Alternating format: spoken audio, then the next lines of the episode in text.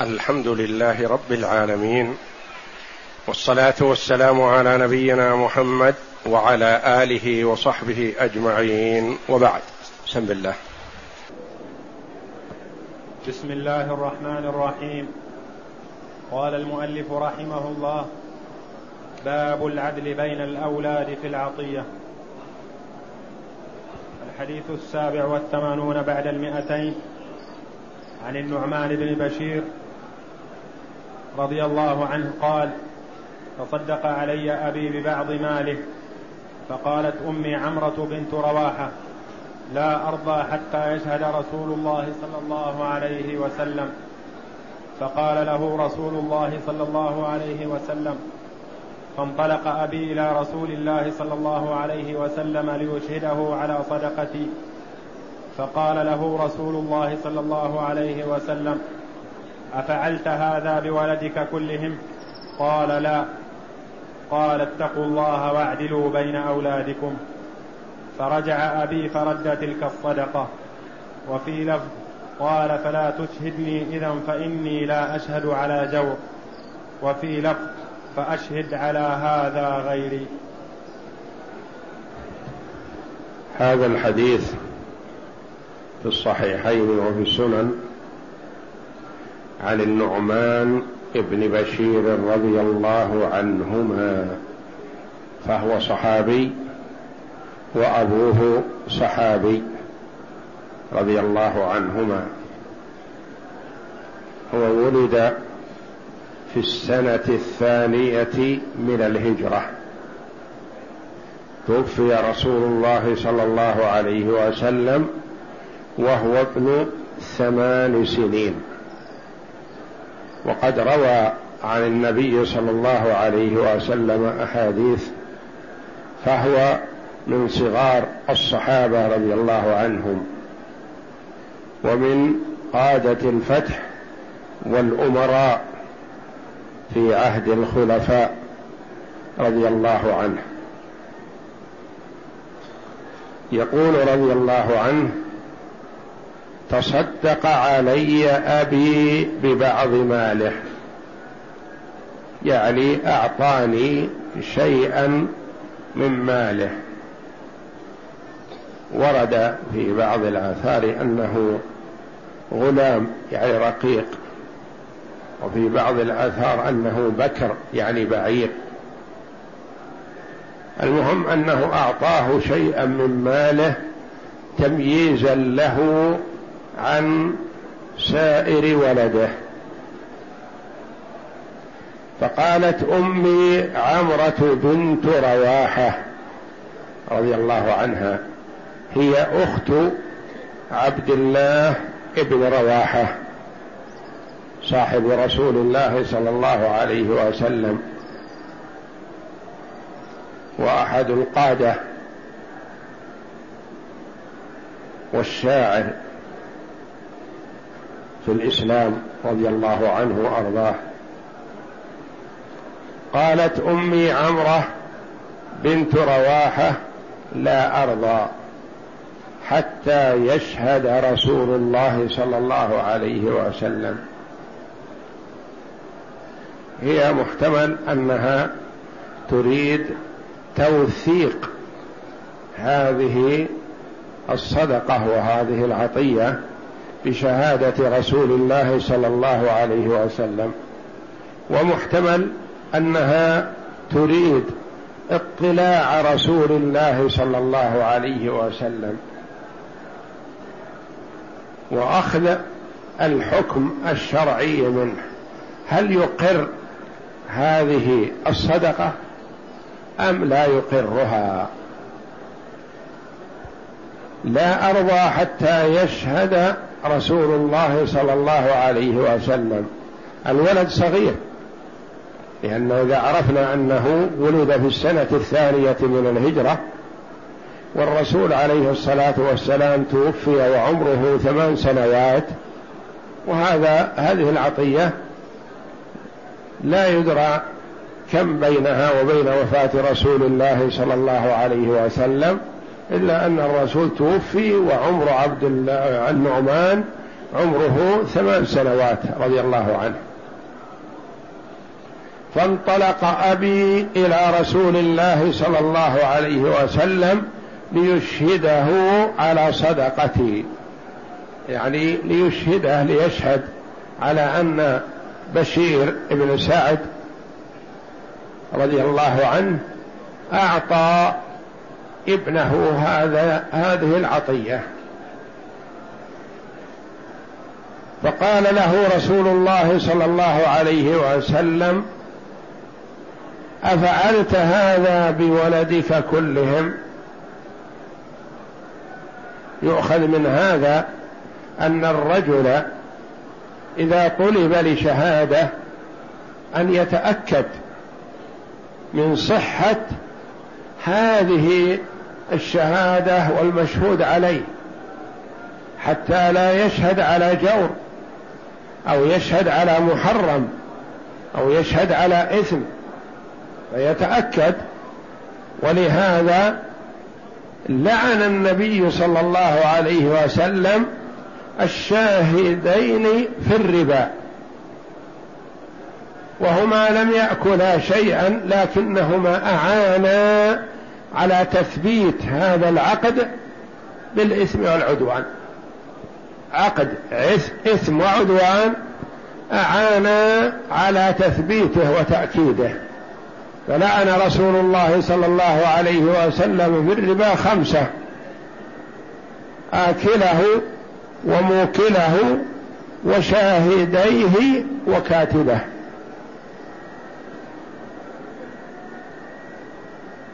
فالمسلم إذا طلب منه الشهادة على أمر من الأمور ينظر هل هو يشهد شهادة حق يؤجر عليها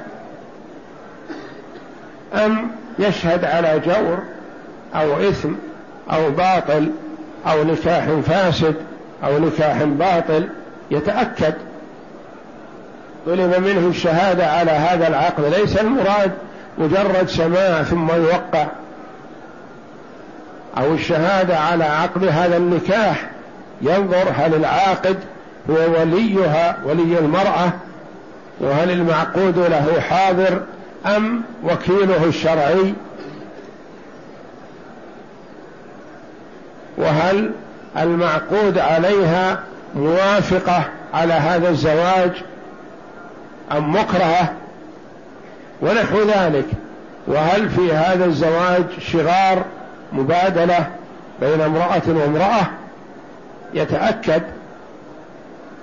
كذلك إذا طلب منه الشهادة على بيع ينظر هل هذا البيع بيع صحيح؟ فيشهد عليه. إن كان بيع فاسد أو باطل يقول لا ما أشهد. إن شك في الأمر يتوقف. يقول ما أشهد إلا على شيء أعلم أنه عقد صحيح. ما أشهد على شهادة في عقد باطل أو فاسد أو فيه اختلاف أو فيه خديعة أو فيه ربا يتوقف. فالنبي صلى الله عليه وسلم يسأل بشير والد النعمان يقول له أفعلت هذا بولدك كلهم؟ هل أعطيتهم مثل ما أعطيت النعمان؟ فنعم. وهذا صدوق. قال لا هذا أعطيت للنعمان خاصة ميزة إما لرغبة أمه أو لنحو ذلك. لأمر من الأمور. قال لا ما أعطيتهم. و... ويدل على أن له أولاد غير النعمان. وأن النبي صلى الله عليه وسلم يعرفهم. فقال أفعلت هذا بولدك كلهم؟ قال لا. فجاء الحكم الشرعي من النبي صلى الله عليه وسلم الذي لا ينطق عن الهوى. قال اتقوا الله واعدلوا بين أولادكم. وفي قوله صلى الله عليه وسلم أفعلت هذا بولدك؟ يعني أولادك والمراد بهم الذكور والإناث. لأن كلمة الأولاد تشمل الذكور والإناث. لقوله تعالى يوصيكم الله في أولادكم. والأبناء للذكور خاصة والبنات للذكور خ... للإناث خاصة والأولاد يشمل الذكور والإناث. قال اتقوا الله. دل على أن إعطاء البعض دون البعض ينافي تقوى الله. يعني معصية. اتقوا الله واعدلوا بين أولادكم. فالعدل بين الأولاد من تقوى الله. وتمييز بعض الأولاد دون بعض بشيء ما لغير مبرر شرعي يعتبر منافي لتقوى الله أو منقص لتقوى الله. اتقوا الله واعدلوا بين أولادكم. يقول النعمان فرجع أبي فرد تلك الصدقة. يعني استردها ولم يجعلها لي. وبهذا مسارعة الصحابة رضي الله عنهم إلى امتثال ما يسمعونه من النبي صلى الله عليه وسلم والبعد عما ينافي تقوى الله. ما ذهب ليشهد غير النبي صلى الله عليه وسلم؟ لا. ما دام النبي صلى الله عليه وسلم قال له هذا القول رد الصدقة. ويكون في عذر أمام زوجته. أم النعمان ترضى ما دام النبي صلى الله عليه وسلم نهى عن ذلك. وفي لفظ يعني في بعض ألفاظ الحديث فلا تشهدني اذا ما دام ما سويت بين أولادك وما فعلت هذا بولدك كلهم فلا تشهدني اذا يعني لا أشهد أنا. يقول الرسول لا أشهد فإني لا أشهد على جور ظن أن دل هذا على أن إعطاء بعض الأولاد دون بعض جور. والجور الميل عن الحق. فإني لا أشهد على جور. وفي لفظ فأشهد على هذا غيري. هذا زجر ليس إباحة. ليس معنى هذا أنه يقول أنا لا أشهد لكن اذهب إلى فلان وأشهده. لا. يقول هذا جور فلا تشهدني فلا أشهد على جور. أشهد على هذا غيري هذا زجر. ولهذا لو فهم بشير بن سعد رضي الله عنه لو فهم الإباحة في شهادة غير النبي صلى الله عليه وسلم لذهب ليشهد غير النبي. لكنه لما سمع هذا الكلام بادر ورد تلك الصدقة. فهذا الحديث العظيم فيه توجيه للآباء والأمهات في العدل بين الأولاد في كل شيء. وأن عدم العدل يسبب قطيعة الرحم ويسبب العقوق. فقد يميز الوالد بعض ولده فيعقه الأولاد الآخرون فيكون هو السبب في هذا. فيأثم بذلك لأنه ميز بعض الولد على بعض وتحمل إثم عقوق الأولاد الآخرين.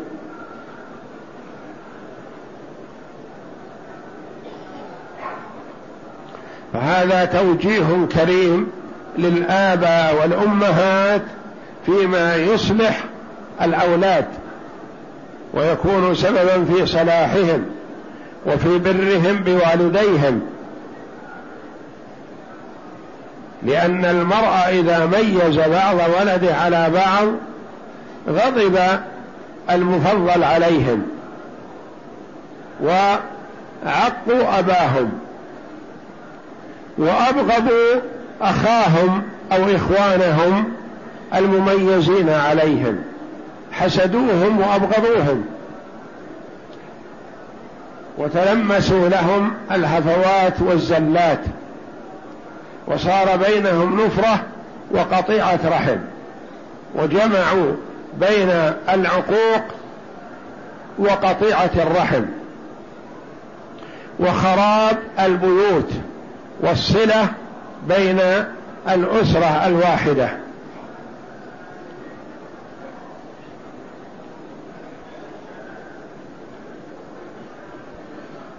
كما أن هذا الحديث دل على أن الوالد إذا أعطى بعض ولده شيء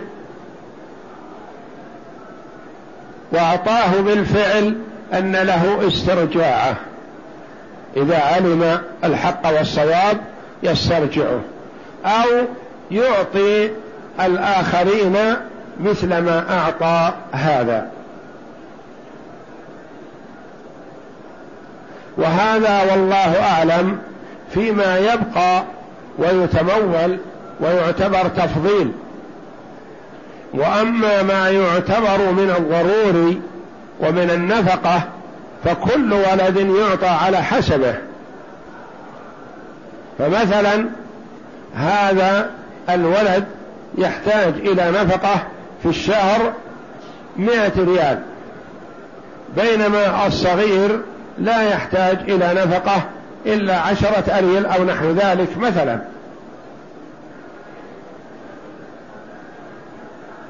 هذا يدرس في الجامعة مثلا ويحتاج إلى لوازم بينما الصغير عند أمه في البيت ما يحتاج إلى شيء.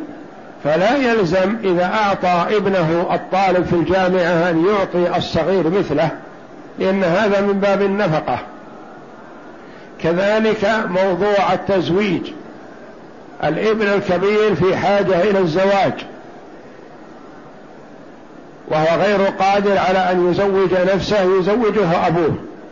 ولا يلزم أن يعطي الولد الصغير الذي في البيت مثل النفقة التي أعطى أخاه في حال تزويجه.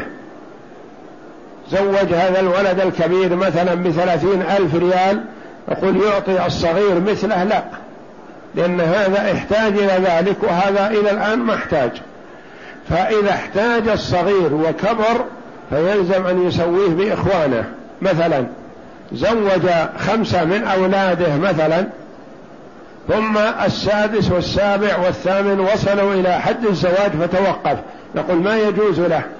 لأنه زوج الأوائل فيزوج الآخرين إلا في حال عجزه فلا يكلف الله نفسا إلا وسعها. مثلا ميز بعض ولده لكون هذا الولد كبير ومتفرغ لطلب العلم وعنده أولاد يحتاج إلى نفقة فيساعد في النفقة والآخر أو الآخرون مثلا يتكسبون ويشتغلون لأنفسهم فأعطى الولد الكبير مثلا من أجل تفرغه لطلب العلم. أو قال مثلا لأولاده من يحفظ القرآن أعطيه كذا وكذا. فحفظ ثلاثة منهم ولم يحفظ خمسة منهم مثلا. فميز الثلاثة من أجل الحفظ. فلا بأس بذلك. أو كان بعضهم معاق أو مريض. أو في حال حاجة وفقر والآخرون يستطيعون القيام بأنفسهم فلا يلزمه أن يسوي في هذه الحال. أو مثلا أعطى بعضهم من باب المكافأة له على أمر ما كأن يكون هذا الولد يشتغل معه في دكانه أو في تجارته أو في سيارته وما يكتسب من شيء يسلمه لأبيه. بينما الآخرون يكتسبون لأنفسهم. فيميز هذا الولد الذي اكتسب له ويعطيه شيئا مقابل عمله معه.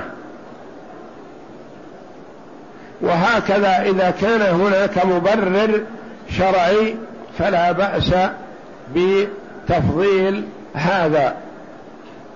أو لتقواه وصلاحه والآخر فاسق.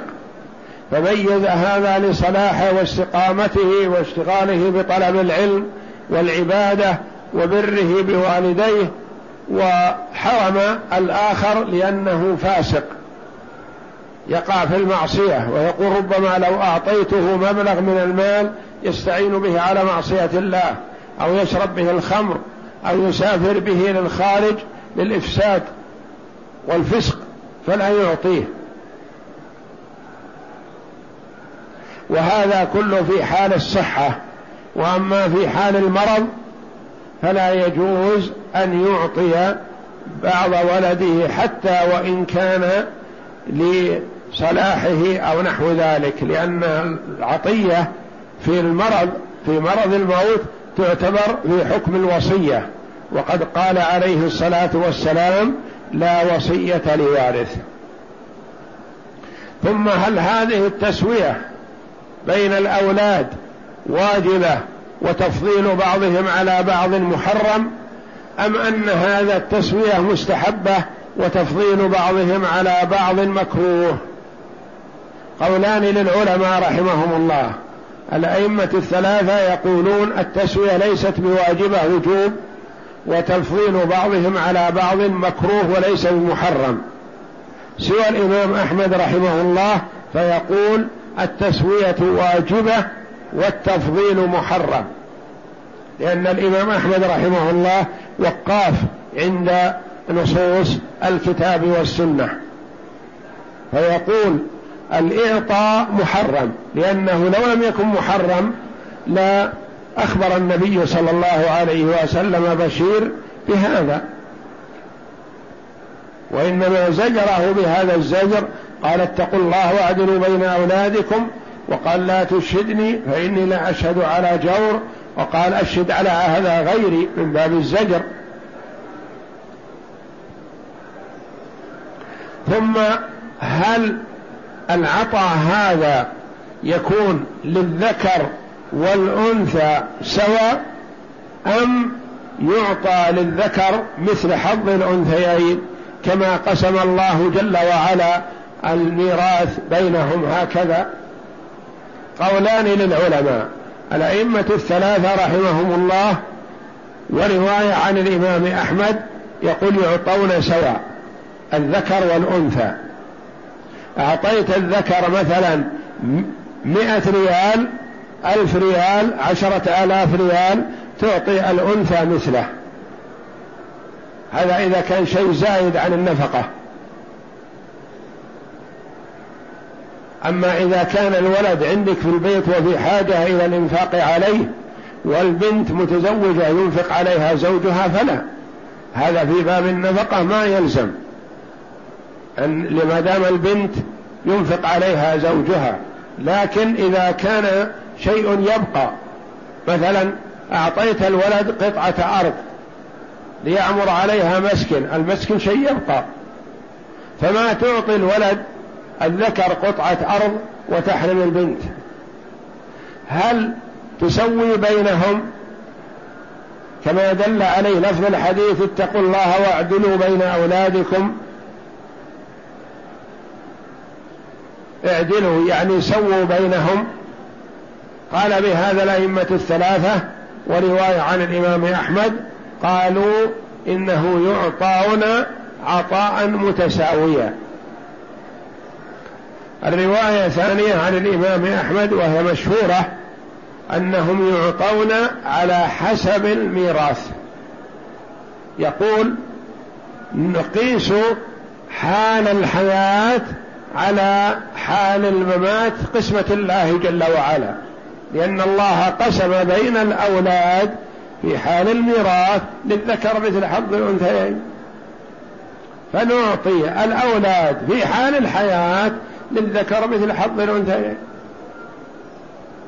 لأن الولد عليه التزامات والله جل وعلا حينما جعل له نصيب أنثيين لما عليه من الالتزامات. لأن الذكر ينفق على نفسه. وربما ينفق على أولاد وربما ينفق على أم وربما ينفق على إخوان وأخوات صغار. والبنت ينفق عليها أبوها أو ينفق عليها أخوها أو ينفق عليها زوجها أو ينفق عليها ولدها. يعني الغالب أنها تكون مكفولة. الولد معرض للخسارة والربح والديون ونحو ذلك والبنت تسلم غالبا من كثير من الأمور. هي حاجة إلى نفقتها الخاصة ويتولى هذا غالبا غيرها. فلذا ميز الله جل وعلا وهو الحكيم العليم بمصالح عباده جعل للذكر مثل حظ الأنثيين.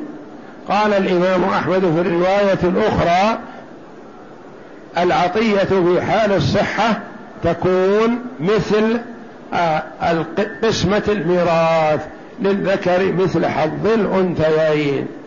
لأنه إذا لم يكن على هذا الشكل قد يتخذها بعض الناس حيلة للتسوية بين الذكر والأنثى فيما يبقى وفيما وفي الميراث مثلا كأن يكون في قرب نهاية أجله مثلا يقسم ما بين يديه يعطي البنت مئة ويعطي الولد مئة. فيكون تحيل على تسوية بين الذكر والأنثى ولا يبقي شيئا بعد الممات. عند قطع أراضي مثلا أعطى هذه قطعة والولد قطعة. وجعلهم متساويين لأنه يقول هذه عطية في حال الحياة. ربما يتخذها بعض الناس حيلة للتدخل في قسمة الله جل وعلا. فلعل تفضيل الذكر على الأنثى في حال الحياة أولى قياسا على حالة الميراث.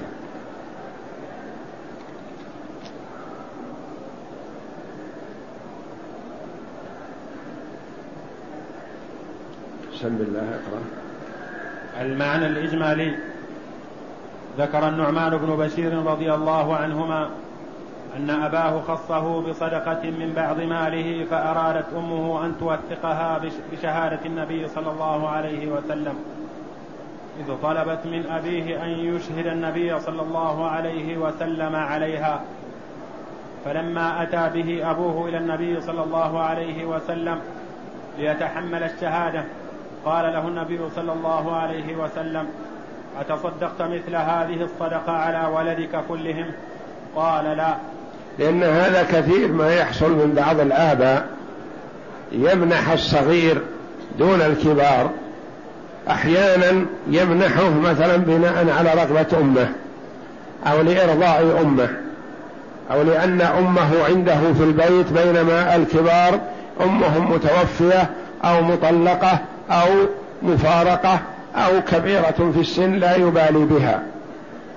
وأحيانا العكس يميز الكبار مثلا لأنهم في حاجة إلى أموال يشتغلون بتجارة أو عقار أو يعمرون أو كذا ويحرم الصغار. فشرع صلى الله عليه وسلم التسوية بينهم صغارا وكبارا فيما يتمول ويبقى. نعم.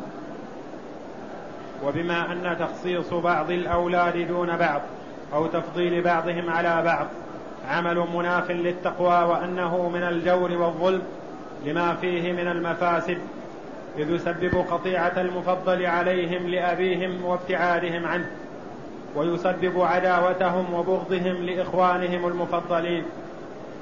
لما كانت هذه بعض مفاسده قال النبي صلى الله عليه وسلم له اتقوا الله واعدلوا بين أولادكم ولا تشهدني على جور وظلم. ووبخه ونفره عن هذا الفعل بقوله أشهد على هذا غيري.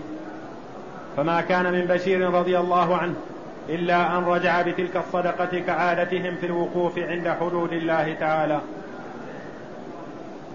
اختلاف العلماء. أجمع العلماء على مشروعية التسوية بين الأولاد في الهبة. انتبه هذا التعبير حسن. يقول أجمع العلماء على مشروعية التسوية. هذا لا إشكال فيه. لكن هل تفضيل بعضهم على بعض محرم أو مكروه؟ هذا في تفصيل.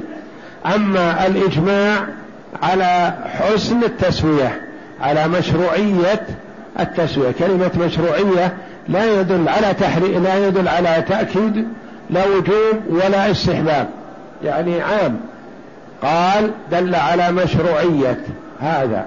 وهذا بالاتفاق إن جميع العلماء رحمهم الله يقولون يشرع التسوية.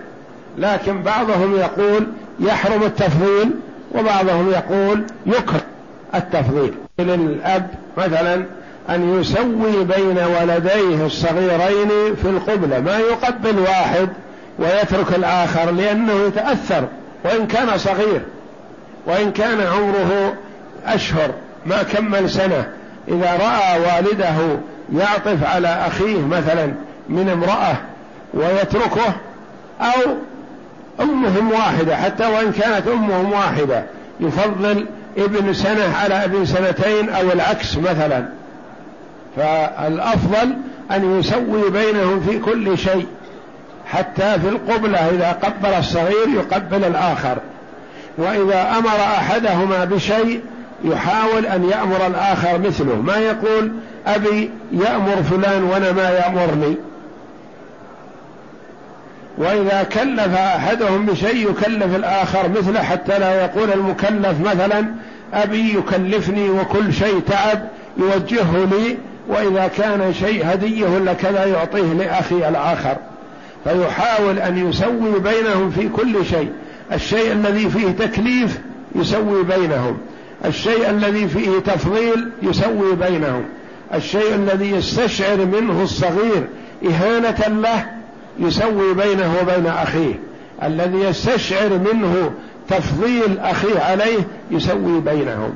لأنه أحيانا يتصرف الأب تصرف المأمور يستشعر بالإهانة يقول أنا المستخدم. وغير المأمور يستشعر يقول أنا ما لي قيمة عند أبي ولا ينظر إلي ولا يأمرني بشيء. فيكون في جانب الاثنين ضرر. المأمور يقول أنا اللي يكلف بالأشياء أنا الذي يأمرني أبي دائما افعل وافعل. وهكذا. وغير المأمور يتمنى أن يؤمر يقول أبي ما يأمرني بشيء. ما يأمر إلا فلان وأنا ما يأمرني بشيء. فيتأثر هذا ويتأثر هذا. فالأولى أن يكون الأمر للاثنين والنهي للاثنين والتفضيل للاثنين أو الأكثر مثلا. وإذا أمر واحدا بشيء يأمر الآخر بمثله. ولو لم يكن هناك حاجة لكن لأجل سل ما في نفسه لا يكون في نفسه شيء. نعم. لما في ذلك من العدل وإشعارهم جميعا بالمودة وتصفية قلوبهم وإبعاد البغض والحقد والحسد عنهم. ولكن ولكن اختلف العلماء في وجوب المساواة بين بينهم في الهبة. يعني الهبة أو الصدقة أو العطية كل واحد نعم. فذهب الإمام أحمد والبخاري وإسحاق والثوري وجماعة إلى وجوبها وتحريم التفضيل بينهم. هؤلاء أهل الحديث أكثر. نعم. أو تخصيص بعضهم دون بعض أخذا بظاهر الحديث. نعم. وذهب الجمهور إلى أنها مستحبة فقط وقال الجمهور معناه الأكثر. نعم. وأطالوا الاعتذار عن هذا الحديث بما لا مقنع فيه. يقول ما يقنع؟ اعتذارهم عن ظاهر الحديث لا يقنع. فالأولى الأخذ بالحديث لأنه نص الرسول عليه الصلاة والسلام. فكيف الرسول يقول اتقوا الله واعدلوا لا تشهدني على جور هذا جور ونقول مكروه؟ لا. نأخذ من نص الحديث لا تشهدني على جور هذا جور. فمثلا إذا جاء الرجل إلى كاتب العدل من أجل أن يفرغ أرضا أو بيتا أو كذا باسم بعض ولده يسأله كاتب العدل يقول هل أعطيت أولادك الآخرين؟ ونظرا لكون مثلا الصدق قد يكون آه، قليل أو معدوم عند بعض الناس يقول نعم أعطيتهم وما أعطاهم فيقول أحضرهم إلي. فكاتب العدل يجب عليه أن يحتاط لأن وكذلك أي كاتب يريد أن يكتب إقرار من الأب على أن لفلان كذا الأرض الفلانية أو البيت أو السيارة أو كذا أو كذا يقول هل أعطيت الآخرين مثلهم؟ فإن قال نعم يقول أعطي أحضرهم عندي. وإن قال لا قال ما أكتب. ما يجوز لي أن أكتب وأنت لا يجوز لك أن تعطي. فيحتاط حتى لا يوثق شيئا محرما. نعم. والحق الذي لا شك فيه وجوب المساواة لظاهر الحديث ولما فيه من المصالح وما في ضده من المضار. ضده الذي هو عدم العدل وعدم التسوية. نعم.